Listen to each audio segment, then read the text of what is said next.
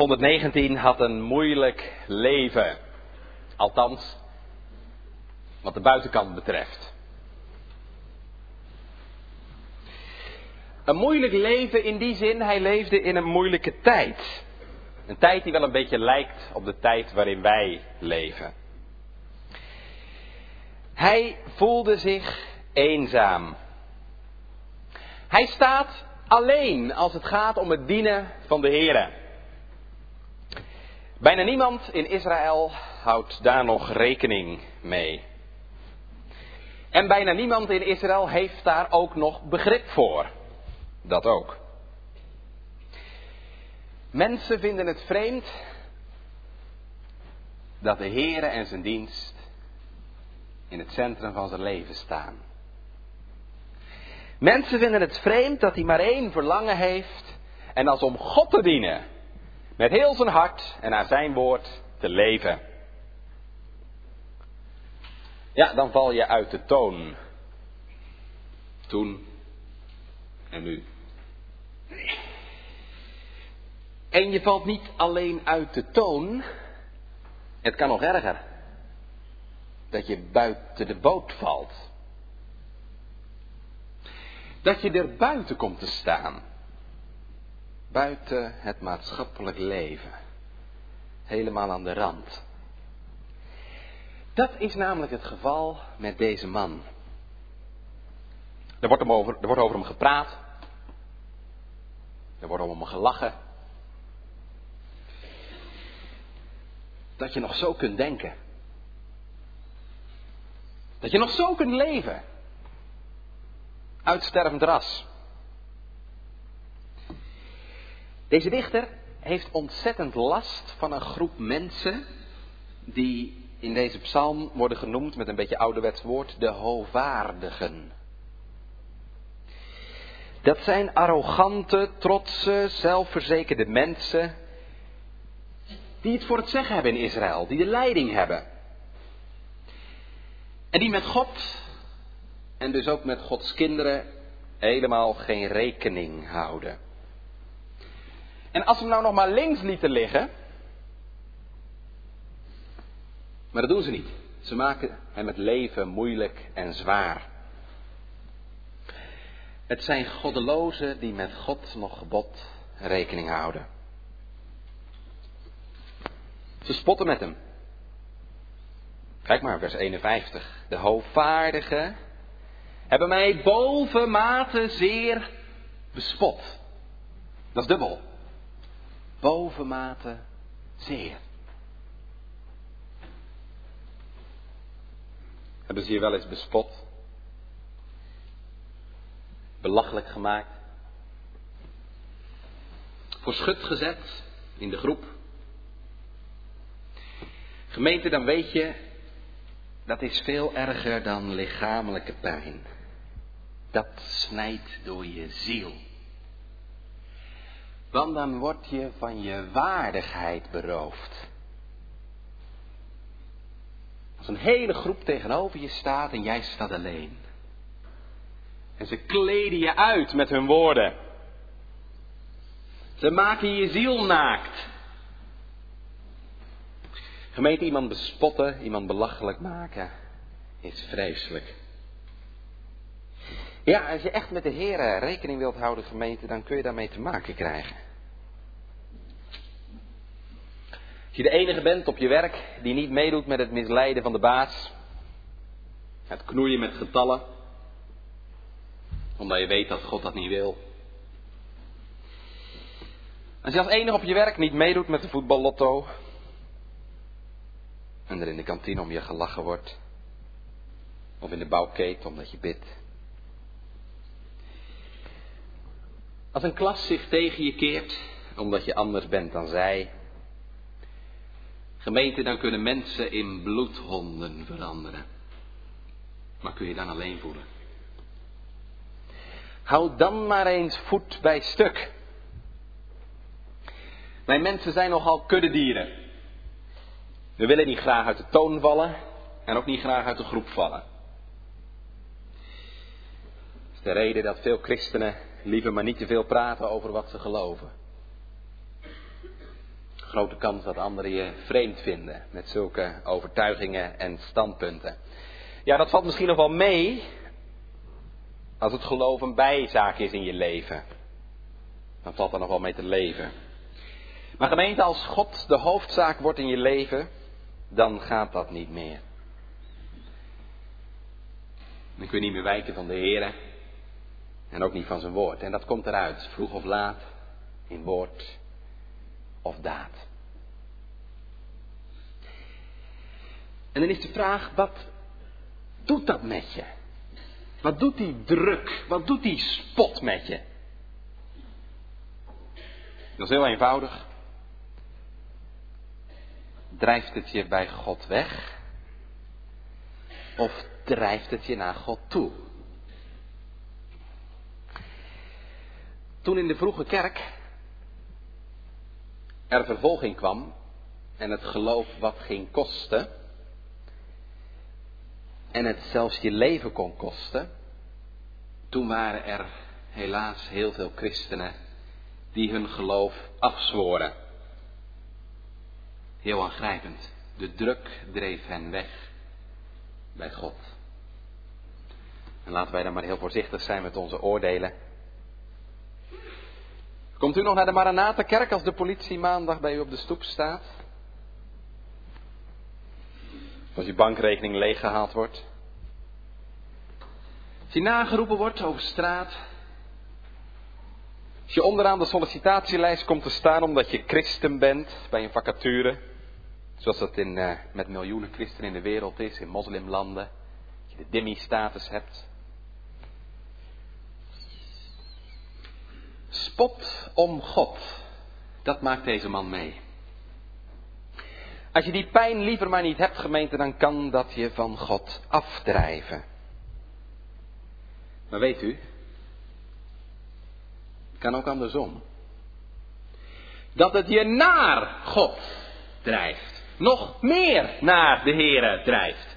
Dat je sterker en sterker wordt in het geloof. Dat je zegt, Heere, nou weet ik het echt zeker. Dat ik u echt niet missen kan. Dat ik u echt lief heb. Tegenstand en spot kan juist ook de band met de Heere versterken. Net zoiets als een kind dat naar moeder rent als er een hond aankomt. Zo kan tegenslag en spot je naar de Heere drijven. Nou, dat is gebeurd met onze dichter. Kijk maar, vers 51. De hoogwaardigen hebben mij bovenmate zeer bespot. Nochtans ben ik van uw wet niet geweken. Niet geweken dus. Hij is dus niet weggegaan bij God en zijn woord vandaan. Hij is er juist dichter naartoe gekropen. Juist nu, die het zo moeilijk heeft, ervaart hij nog meer de kracht en de troost van Gods woord. Dat woord wat hem houvast geeft in zijn verdrukking. Een van de Puritijnen heeft eens gezegd: De beloften van God zijn net als sterren in de nacht. Hoe donkerder de nacht, hoe helder ze schijnen. Ja, maar die tegenstanders dan? Die mensen die hem het leven zo zuur maken. Nou, die laat hij aan God over. Die laat hij aan God over. Dat is ook geloof. Want kijk eens wat hij zegt. In vers 52. Ik heb gedacht, o Heere, aan uw oordelen van ouds aan en toen heb ik mij getroost. Hé. Hij heeft dus geleerd zijn moeite en verdriet in de hand van de Heer te leggen. Dat is ook geloof. Als je niet zint op wraak. Hij laat zich niet verbitteren door haat. Nee, hij laat het over aan God. Dat is mijn tweede gedachte. Door het geloof in Gods woord leer je alles in Gods hand te leggen. Dat is ook geloof, gemeente. Mensen kunnen je ontzettend veel aandoen. Ze kunnen je beschadigen. Ze kunnen je eer, je naam, je bezittingen aantasten. Ze kunnen je wanhopig maken. Wat doe je ermee? Wat doe je ermee als je je machteloos voelt staan? Deze dichter dacht aan God. En hij legde het in Gods hand. Heren, ik heb gedacht aan uw oordelen van ouds aan. Deze man, gemeente, kent zijn Bijbel. En uit die Bijbel weet hij één ding. Zou de rechter van hemel en aarde geen recht doen? Als je je Bijbel kent, weet je dat een beetje.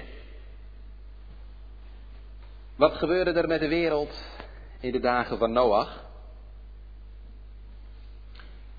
Die kwam om in de zondvloed, want God straft het kwaad. Wat gebeurde er met Sodom en Gomorra? Die werden omgekeerd, want God straft het kwaad. Wat gebeurde na de volkstelling van koning David? Israël werd gestraft, want God straft het kwaad. Wat gebeurde er na de afgoderij en de ontrouw van Israël? Ze kwamen in de ballingschap, want God straft het kwaad. Daar dacht deze dichter aan. Aan uw oordelen van oud. En toen heb ik mij getroost. Toen mocht ik het in Gods hand leggen. Wat heb je daar nou aan? Gebeurt niks met die mensen. Ga gewoon door. Morgen roepen ze je weer na. Jawel, ze gaan wel door, maar niet eeuwig. God straft soms in dit leven, maar in elk geval na dit leven. Dat riepen ze tegen Noach ook. Noach, waar blijft de zondvloed?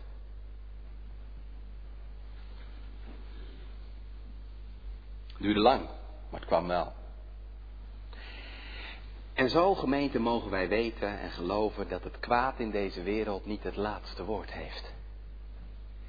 Zolang wij weten dat God, die de goedheid zelf is, zolang we weten dat de Heer leeft, weten we zeker dat het kwaad voor Hem niet zal bestaan. En ik zou zeggen, gemeente, dat is het enige wat je rust kan geven in deze wereld, waarin juist zoveel onrecht is en waar zoveel verkeerd gaat en waar zoveel schuldigen de dans lijken te ontspringen. Nou ja, ze hebben Karadzic toch opgepakt. Ja, maar al die anderen dan? Dit alleen geeft je houvast om daarmee om te gaan. Ik heb gedacht aan uw oordelen. En daarom hoeven wij de haat en de wrok niet te koesteren. Maar dat kan natuurlijk alleen maar als je geloof hebt in God. Want het woord van God zegt ons, zo is God. Hij zal de schuldige geen zins onschuldig houden. Ja, en wij dan? Nou, wij moeten zien op de Heer Jezus. Die als hij gescholden werd, niet terugschold. En als hij leed niet dreigde, maar gaf het over in de hand van hem die rechtvaardig oordeelt. Dat is mooi gemeente. Deze dichter krijgt vanuit Gods woord, vanuit wat de Heer in het verleden heeft gedaan, de kracht om heel zijn situatie aan de Heer over te geven. Want hij weet vanuit het woord, God doet recht. En dat leidt tot overgave in zijn leven. Als dominee kom je nog wel eens mensen tegen die verbitterd door het leven gaan. Vanwege wat andere mensen hen aangedaan hebben. En als je dan luistert naar hun verhalen, gemeente, dan kun je het nog goed begrijpen ook. Maar weet u, bitterheid verhard je. Bitterheid gaat nooit weg uit je leven. Ook niet na 50 jaar. Tenzij er iets mee gebeurt. En dat kunnen we leren van deze dichter. Het over te geven in de handen van God. Dat is net zo goed geloof. Dus twee dingen hebben we nu al geleerd. Gods woord geeft houvast in tegenstand. Gods woord leert je om alles in Gods hand te leggen. En in de derde plaats, Gods woord geeft troost in ellende. Hoor maar wat hij zegt, vers 50. Dit is mijn troost in mijn ellende, want uw toezegging heeft mij levend gemaakt. Je mag het ook zo lezen, dit is mijn troost in mijn ellende, dubbele punt. Uw toezegging heeft mij levend gemaakt. Dus het houvast van deze man is de toezegging van God. Wat is een toezegging? Nou, als ik u iets toezeg, dan beloof ik je wat. als mama tegen je zegt, uh, je krijgt straks een ijsje. Ja, dan moet je het nog wel krijgen. Maar ze heeft het al wel gezegd. Ze heeft het je toegezegd. Beloofd. Nou, zo vindt de dichter troost in Gods toezegging. Wat de Heere beloofd heeft. Dit is mijn troost in mijn ellende. Uw toezegging heeft mij levend gemaakt. Gemeente, hier zie je iets wat heel vaak gebeurt. Dat de Heere moeilijke omstandigheden in je leven wil gebruiken om je dichter bij Hem en bij zijn woord te brengen. Ik denk gemeente dat er meer mensen zijn die door tegenslag de Heere zijn gaan zoeken dan door hun voorspoed. Ik las ergens dat vond ik zo mooi dat ik het maar opgeschreven heb. Beproevingen maken Gods beloften zoet. Veel verzen in de Bijbel lijken een dode letter. Totdat, door onze beproevingen, we de troost ervan nodig hebben. Dan is er leven en vreugde in, want Gods woord geeft troost in ellende. Ja, Gods woord geeft troost in ellende, gemeente. Dat is nou precies de reden dat de Heer ons een woord heeft gegeven. Paulus zegt in Romeinen 15, ik lees u dat even voor, want dat is precies hetzelfde als wat hier staat. Al wat tevoren geschreven is, de Bijbel, dat is tot onze lering geschreven, opdat wij door leidzaamheid en vertroosting der schriften hoop hebben zouden. Dus alles wat er geschreven is, zegt Paulus, daar kun je van leren. Maar ook daar kun je door getroost worden, zodat je hoop krijgt. Uw woord is mijn troost in mijn ellende. Zou je dat ook willen? Ja, welk mens wil dat nou niet? Troost. Het leven kan zo ontzettend hard voor je zijn. He? Dat je leven vol zit met allerlei onvervulde verlangens of met tegenslagen. De relatie die stuk ging. De rouw die je huis binnenkomt. Het verlies van iemand die je niet missen kunt. De baan die je nooit kreeg. De kinderen die zo'n andere weg gingen. Tegenslag hebben we allemaal. Ellende ellende. Ellende hebben we allemaal. Maar heb je ook troost? Ellende en troost. Hé, hey, waar moet je dan aan denken? Ellende en troost. Dan denk ik aan zondag 1, gemeente. De Heidelberger. Wat is uw enige troost? En ellende, ja, ook uh, Heidelberger. Dat klopt, want ellende en troost, gemeente, hebben alles met elkaar te maken. Ellende die je meemaakt in je leven is een gevolg van de zonde. Het zal u vast wel eens uitgelegd zijn, hè? het woord ellende of ellendig is een oud Nederlands woord. En dat betekent zoveel als uitlandig uitlandig, uit je land zijn. dan ben je een balling. Net als die verloren zoon. He? Weggelopen in een land ver weg van zijn vader. Nou, wij zijn ook weggelopen bij de vader, uit ons vaderland. En daarom zijn we uitlandig geworden, ellendig. Maar nou is er een antwoord op de ellende.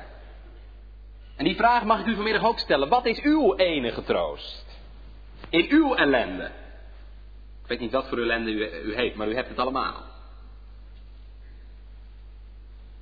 Dat ik niet meer van mezelf ben. Maar het eigendom van mijn getrouwe zaligmaker Jezus Christus.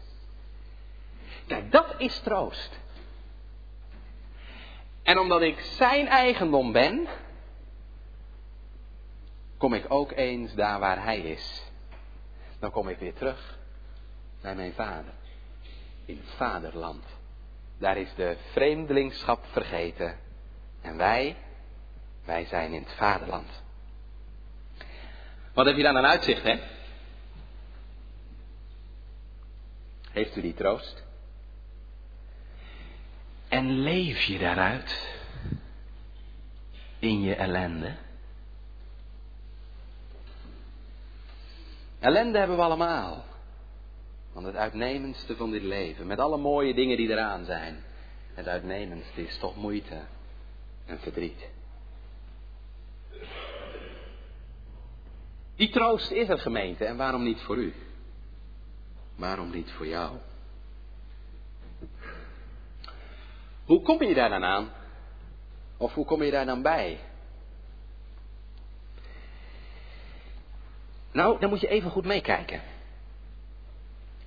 Bij Psalm 119 moet je heel goed naar de werkwoorden kijken. En als je in dit stukje leest, hè, vers 49 tot 56, dan is er één werkwoord wat eruit springt, omdat het een aantal keren voorkomt.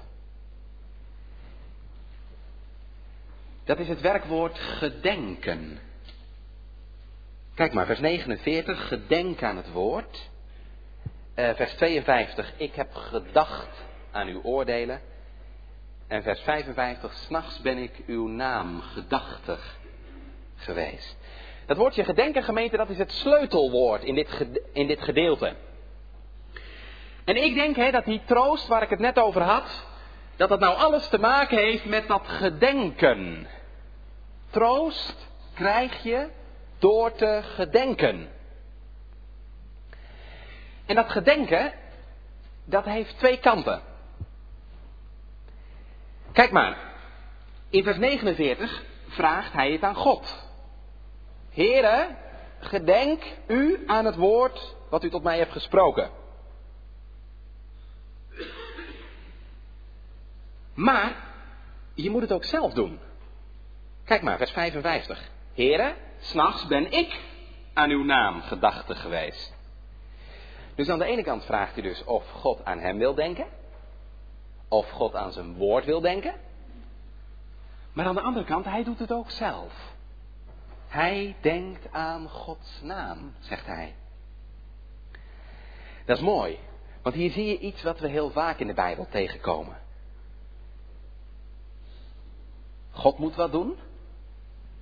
Hij moet aan zijn woord gedenken. Maar dat betekent niet dat wij niets zouden moeten doen. Want wij moeten ook gedenken. Eerst even dat eerste. Hij vraagt of God aan zijn woord wil gedenken. Gedenk aan het woord tot uw knecht gesproken, waarop u mij hebt doen hopen.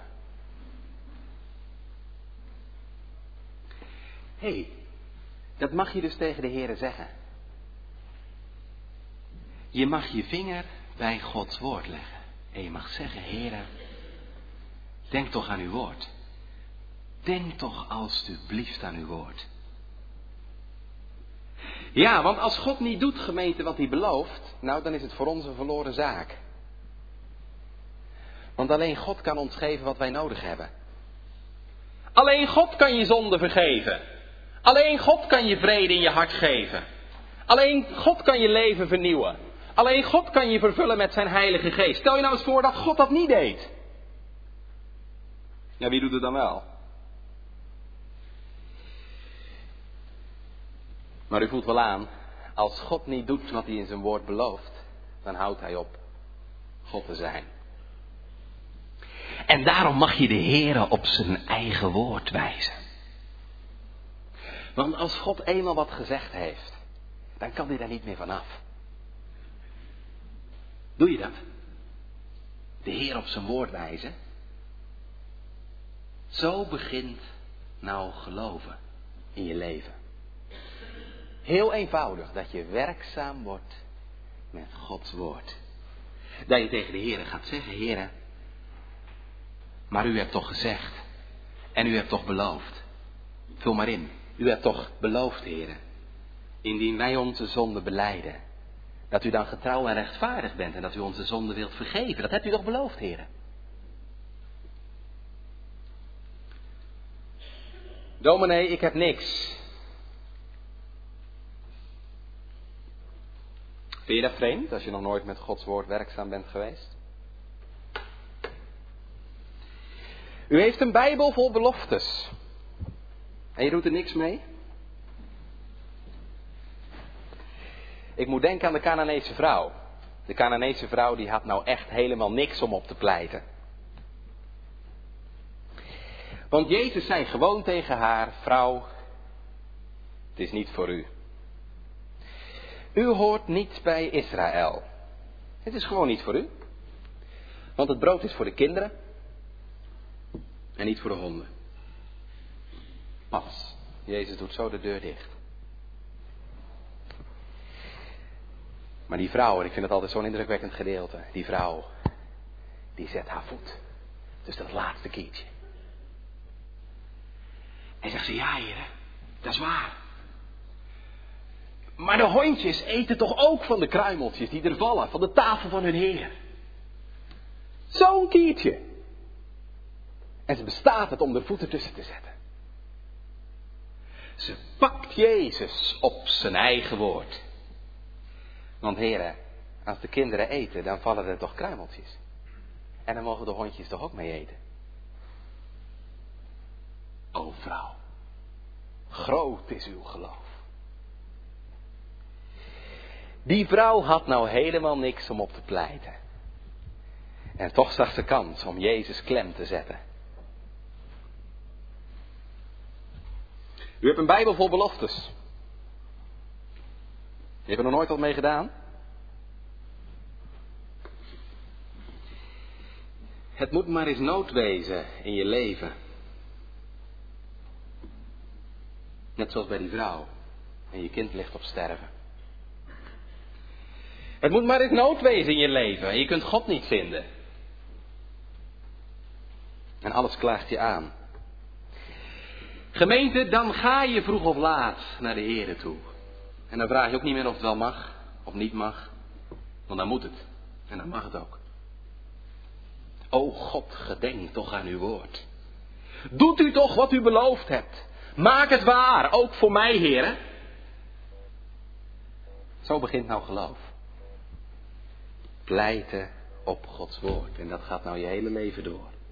Pleiten op Gods woord. Waar moet je dan beginnen? Nou, begin maar gewoon bij het begin. U bent toch gedoopt? Heere, gedenk aan het woord tot mij gesproken. Heer, u hebt toch beloofd in mijn doop dat u mijn vader wilt zijn? U hebt toch beloofd, Heer, dat u mij wilt reinigen van al mijn zonden door het bloed van uw zoon? U hebt toch beloofd, Heer, dat u met uw geest in mij wil wonen? Heer, daar kunt u toch niet meer vanaf, van dat woord wat u gesproken hebt, bij mijn doop? Heere, maak dat waar, persoonlijk. Dat is nou werkzaam zijn met Gods woord. Dat je bidt en gaat vragen of de Heere persoonlijk zijn belofte op mij toepast. En dat je jezelf geen rust gunt voordat je weet het is ook voor mij. Ik was 17 jaar. en ik had geen vergeving van mijn zonde. En de Heere wees mij op 1 Johannes 1 vers 9 deze woorden, indien wij onze zonde beleiden. Hij is getrouw en rechtvaardig dat hij onze zonde vergeeft en ons reinigt van alle ongerechtigheid. En die woorden heb ik de Heere voor mogen houden, week na week, maand na maand. Steeds weer, Heere, hier staat het. En u hebt het zelf gezegd. En u kunt niet liegen. Ik had het niet. Maar door dat woord ontstond hoop. Totdat de Heere deed wat hij in dat vers beloofde. Vergeving van zonde schenken. Heere, gedenk het woord tot uw knecht waarop u mij hebt doen hopen. Wat is geloof? Hopen op Gods woord. Dat je Gods belofte gaat zien en dat je die belofte aangrijpt. En dat je de Heer zijn eigen woord voorhoudt. En dat je van die belofte een gebed gaat maken. Matthew Henry zegt ergens, de Bijbel is de brief die God ons gestuurd heeft. En in het gebed sturen wij die brief weer terug aan God. Met zijn eigen woord erin. En dan zegt de Heer, hier staat het. Want u heeft het gezegd, doe het ook voor mij. U kunt uzelf niet verloochenen. Heb je dat wel eens gedaan? Heb je wel eens geworsteld met God? Omdat het gaat om je leven? Of om je kind? Ben je er nog nooit aan begonnen? Lieve gemeente, wij hebben het woord van de koning gekregen. En dit is een betrouwbaar woord. Het is aan u allemaal gericht. Hierin komt de Heer met zijn aanbod van genade tot ons allemaal. Opdat wij er gebruik van zouden maken. En daarom is het een woord waarop je mag hopen. En hoop doet leven. Dit woord maakt de hoop levend in je leven. Daar word je een ander mens van. Gods woord maakt levend. Het woord maakt je van dood levend. En het houdt je ook levend. Dat is ook nodig, want elke keer verval je weer in dorheid en in levenloosheid. Misschien heb je daar wel last van op dit moment. Dat je je zo doods voelt. Ga dan naar het woord. En wees er net zo lang mee bezig. Totdat je de levende kracht ervan weer mag ervaren. Dat kan best wel eens even duren hoor. God wil ook zien of je het echt meent. De Heer geeft misschien niet altijd gelijk waar wij om vragen. Maar dan moet je niet moedeloos worden. Dan moet je niet denken, het is toch niet waar. Het gaat erom, en dat wil de Heer zien, wat geloof je nou van God? Dat wil de Heer weten. Meent die man, meent die vrouw het echt? Als je het echt meent, gemeente, dan geef je niet op. Ook al ben je wel eens moedeloos, dan weet je, het is Gods woord. En de Heer zou nog eerder ophouden God te zijn, dan dat hij niet doet wat hij belooft. Dus aan de ene kant, God moet gedachtig zijn aan wat hij beloofd heeft, maar daar mogen wij hem op wijzen. God moet gedenken aan zijn woord, maar wij ook.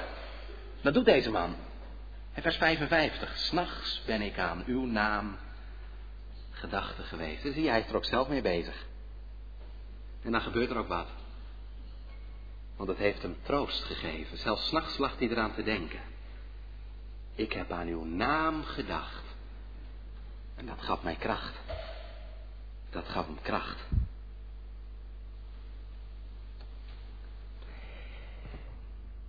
En door zo te hopen op Gods woord, gemeente, kon deze man het uithouden.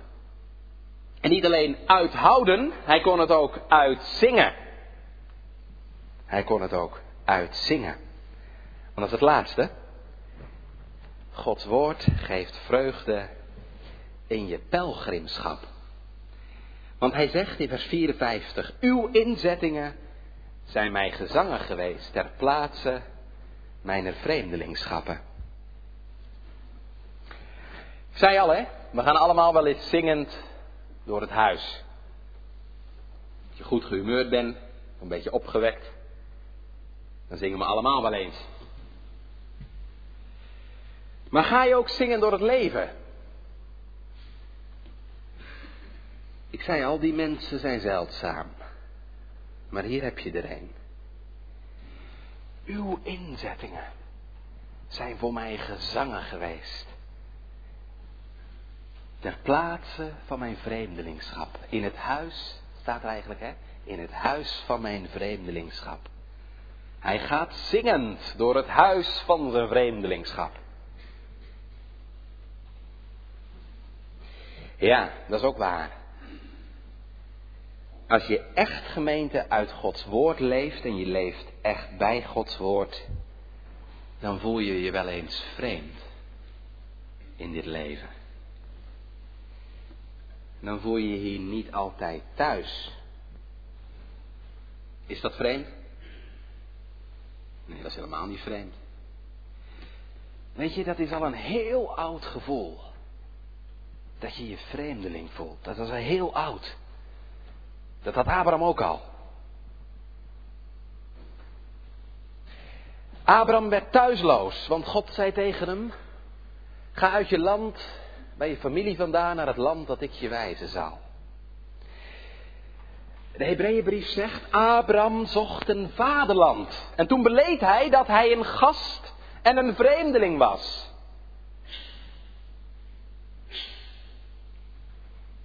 Abraham beleed dus ook al dat hij vreemdeling was. En David ook. En de dichter van Psalm 119 ook.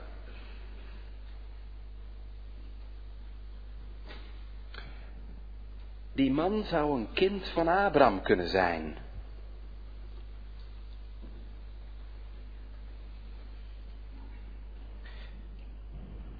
Alleen kinderen van Abraham voelen zich vreemdeling. Alleen kinderen van Abraham, door God geroepen, op weg naar het beloofde land, voelen zich vreemdeling. De rest voelt zich wel thuis hier. Maar kinderen van Abraham niet. Maar dat betekent niet, gemeente, dat vreemdeling zijn dat je met een gebogen hoofd door het leven hoeft te gaan. Dat zou je kunnen denken, hè? Dat zou je kunnen denken bij mensen die zich vreemd voelen in deze wereld. Gaan met een gebogen hoofd door het leven. Nou, dat is niet zo.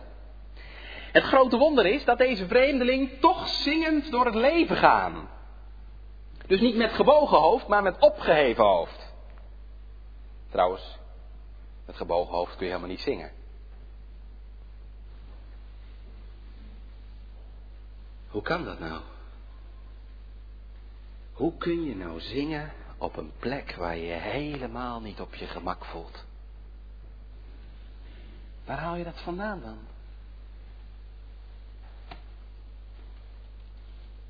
Uit Gods woord.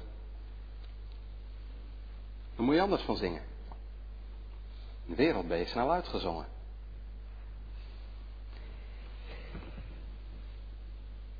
God wil ons leren, gemeente, om zingend pelgrim te zijn. Veel mensen denken, als je de Heer vreest, dan heb je een moeilijk leven. En dan ga je zuchten door het leven. Nou, dat eerste kan best waar zijn hoor. Dat je, als je de Heer vreest, kun je inderdaad best een moeilijk leven hebben. Had deze dichter ook. Maar dat hoeft geen zuchtend leven te betekenen. Want als God je troost geeft in je ellende, kun je toch zingen. En als je dagelijks je houvast zoekt in het woord van de Heer, dan heb je ook wat te zingen. Gaat u, gaat u zingend door het huis van je vreemdelingschap? Dat is een wonder. Je zingt op een plek waar je je niet thuis voelt. Ja, wij moeten allemaal pelgrim worden. Maar hier zie je, een pelgrim kan zingen door het leven gaan. Als Gods woord je lied wordt. Dominee, ik vind het wel wat hoog gegrepen.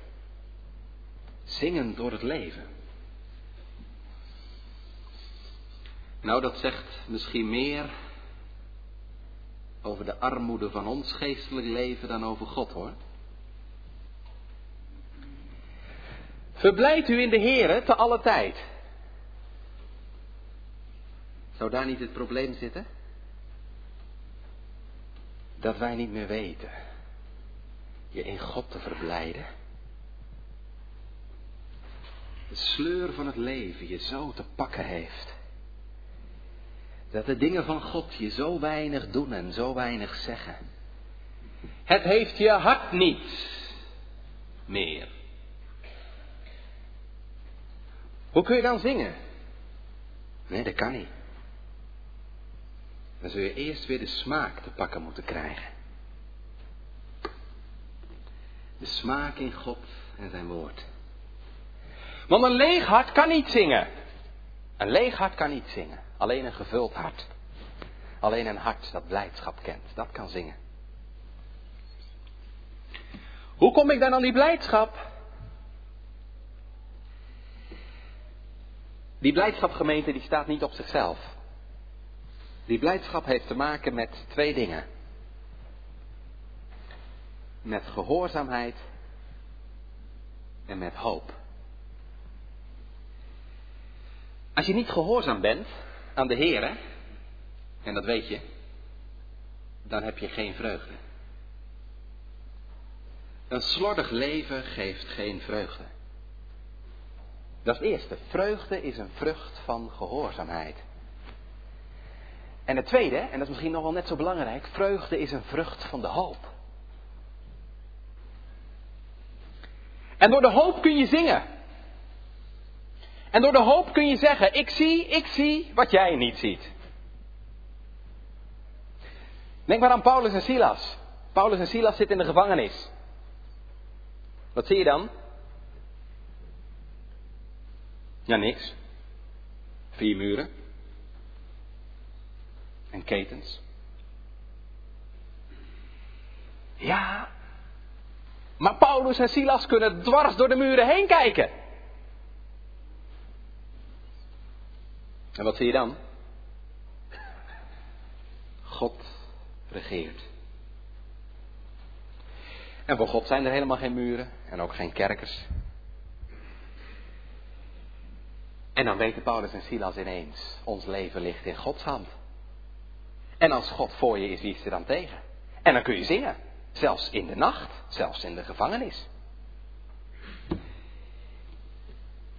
Ja, maar dat zie je toch niet? Nee, dat zie je ook niet. Je ziet alleen maar muren. Maar dan komt het geloof. En dan komt de hoop. En dan vallen opeens de muren weg. Want dan weet je, God leeft en hij laat nooit varen de werken van zijn handen. Weet je, dat is nou het geheim van de hoop, gemeente. Dan krijg je zicht op een nieuwe wereld, op een nieuwe werkelijkheid. Dat is een wereld die kun je niet zien, die kun je niet aanwijzen, dat is niet voorhanden en toch is het er. En dan weet je, alles wat God gezegd en beloofd heeft, dat is veel reëler en dat is veel werkelijker dan alles wat ik om me heen zie. En wat er om me heen gebeurt. Snap je? Dat is de reden dat mensen op hun ziekbed of op hun sterfbed kunnen zingen. De hoop. Ik zie. Ik zie wat jij niet ziet. Ja, dan kan de wereld niet meer zingen. De wereld zingt wat af. 24 uur per dag. De radio is er vol van. Alsof het zo'n leuke wereld is waarin wij leven. Gemeente, het lijkt wel hoe dichter bij het einde, hoe harder er gezongen wordt.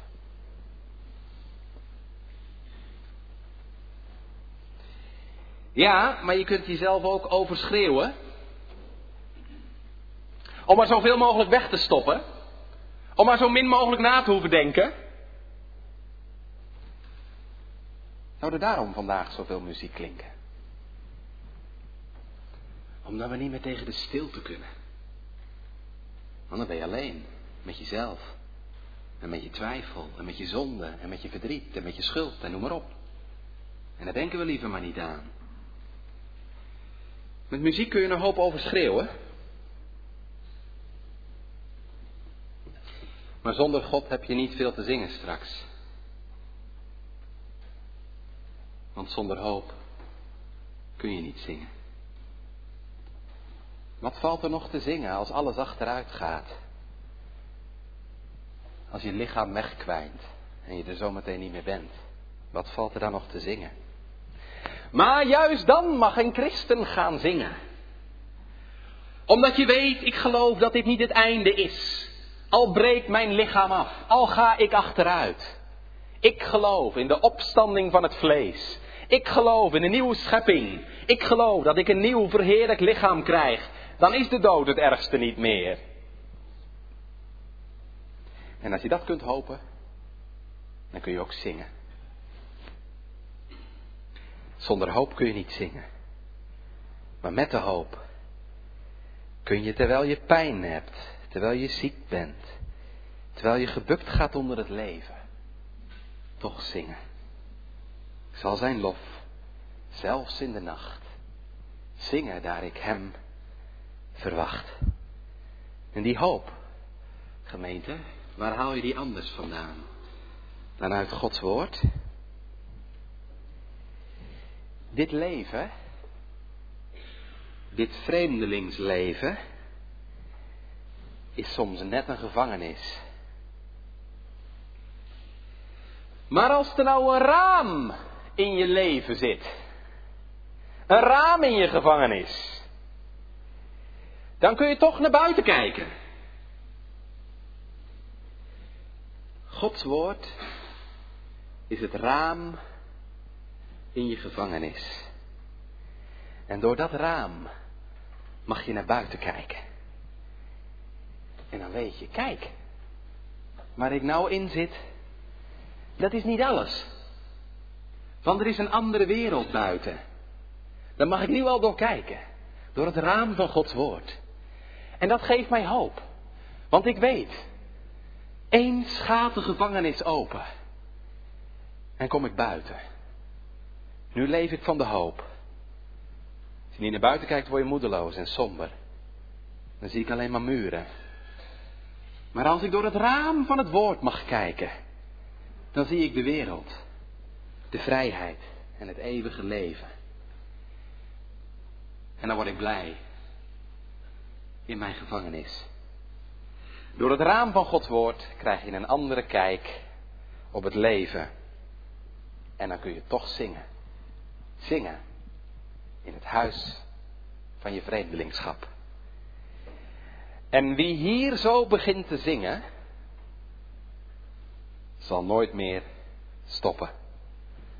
Want eens als de bazuinen klinken, uit de hoogte, links en rechts, duizend stemmen ons omringen, ja en amen wordt gezegd, rest er niets meer dan te zingen, Heer, dan is uw pleit beslecht.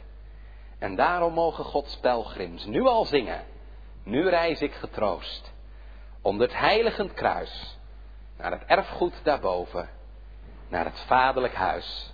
Mijn Jezus geleidt mij door de aardse woestijn, gestorven voor mij, zal mijn zwanenlied zijn. Amen.